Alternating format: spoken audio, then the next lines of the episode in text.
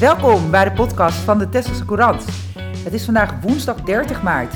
Mijn naam is Judith Ploegman en dit is het nieuws van de week.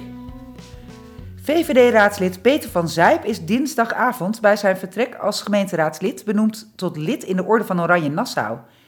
Hij was acht jaar raadslid op Tessel en zes jaar op Terschelling. Burgemeester Michiel Uit de Haag sprak bij het afscheid van de oude gemeenteraad alle raadsleden toe. Tegen Van Zijp zei hij: Peter, ik moest jou als raadslid altijd heel goed in de gaten houden. Je had altijd het laatste woord. Peter had hele mooie quotes, zoals bij het Cultuurhuis de quote: Absorbitant. Een mix van absurd en exorbitant. Dat tekent je wel. Van Zijp heeft zijn politieke carrière nog niet afgesloten. Hij wil actief worden bij de provinciale staten. Corrie Heijnen en Jan Beijert gaan als informateurs aan de slag. Zij zijn door alle zeven partijen in de gemeenteraad gezamenlijk naar voren geschoven. Het duo is gevraagd te onderzoeken welke coalities kansrijk zijn en daarnaast een advies te schrijven over het vervolg van het formatieproces. Ze doen hun bevindingen over twee weken in een openbare bijeenkomst. Corrie Heijnen was raadslid en wethouder voor Tessels Belang en onder meer voorzitter van Agrarische Natuurvereniging De Lieuw. Oud-accountant Jan Beijert was onder meer initiator van het Tesselfonds, waarvan hij lange tijd ook voorzitter was. De eerste Oekraïense vluchtelingen worden vrijdag op de hotelboot in Oude Schild verwacht. Dat vertelde burgemeester uit Den Haag maandag tijdens een druk bezochte informatiebijeenkomst in het Skiltje. De gemeente is samen met instanties en bedrijven druk bezig om de vluchtelingen een warm welkom en een veilige verblijfplaats te bieden.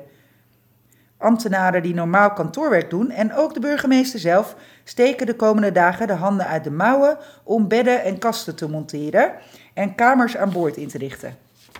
Wie meer wil weten, spullen wil doneren of zich wil aanbieden voor hulp, kan terecht op de website www.tesselspreekt.nl. In de Tesselse Courant van vrijdag staat meer informatie over de opvang van de Oekraïnse vluchtelingen. In dorpshuis De Waldhoorn in Den Hoorn wordt zaterdag een kunstveiling gehouden. De opbrengst komt ten goede aan de oorlogsslachtoffers uit de Oekraïne. De veiling is een initiatief van de tienjarige Tarek van Sijp en belooft een groot succes te worden. Onder de hamer komt zowel werk van Tesselse kunstenaars als van collega's aan de overkant.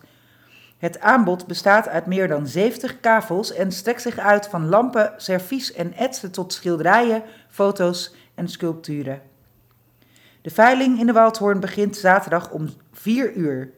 Kijkdagen worden gehouden in de Vermaning, eveneens in Den Hoorn, op vrijdag van 10 tot 6 en op zaterdag van 10 tot 3.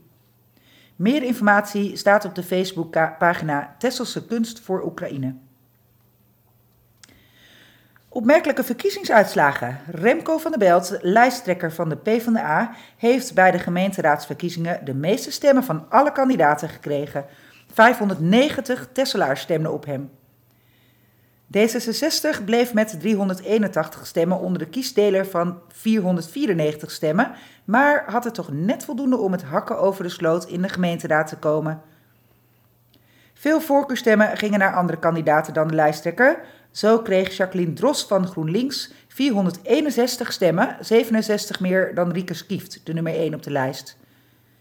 Hoewel GroenLinks drie zetels kreeg en Dros vierde op de lijst stond, kreeg ze genoeg voorkeurstemmen om toch in de raad te komen.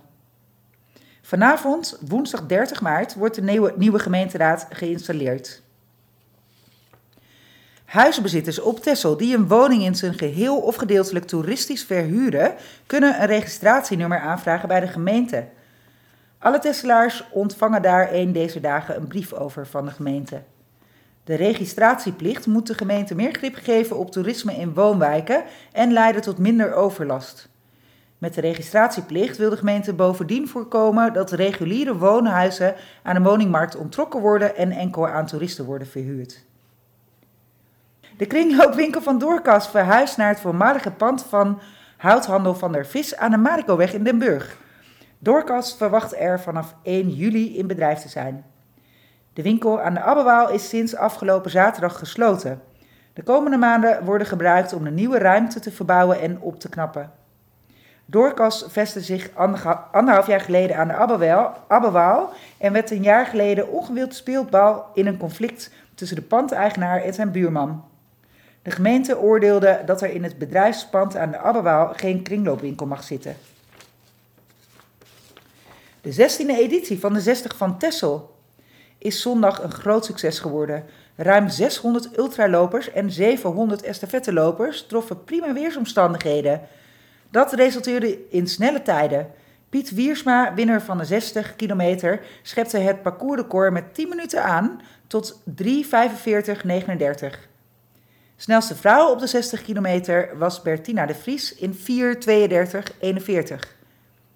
Jort van Zutphen was de snelste over 120 kilometer.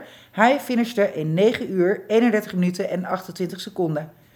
Irene Kinnegim liet zich door bloedblaren niet tegenhouden en liep deze afstand in 9, 59, 39. De Tesselse Courant verschijnt twee keer per week en staat steeds boordevol nieuws, reportages en achtergronden. Neem ook een abonnement op de lokale krant van Tessel. Kijk op www.tesselsecourant.nl voor de mogelijkheden. Bellen kan natuurlijk ook tijdens kantooruren op nummer 0222 362 600.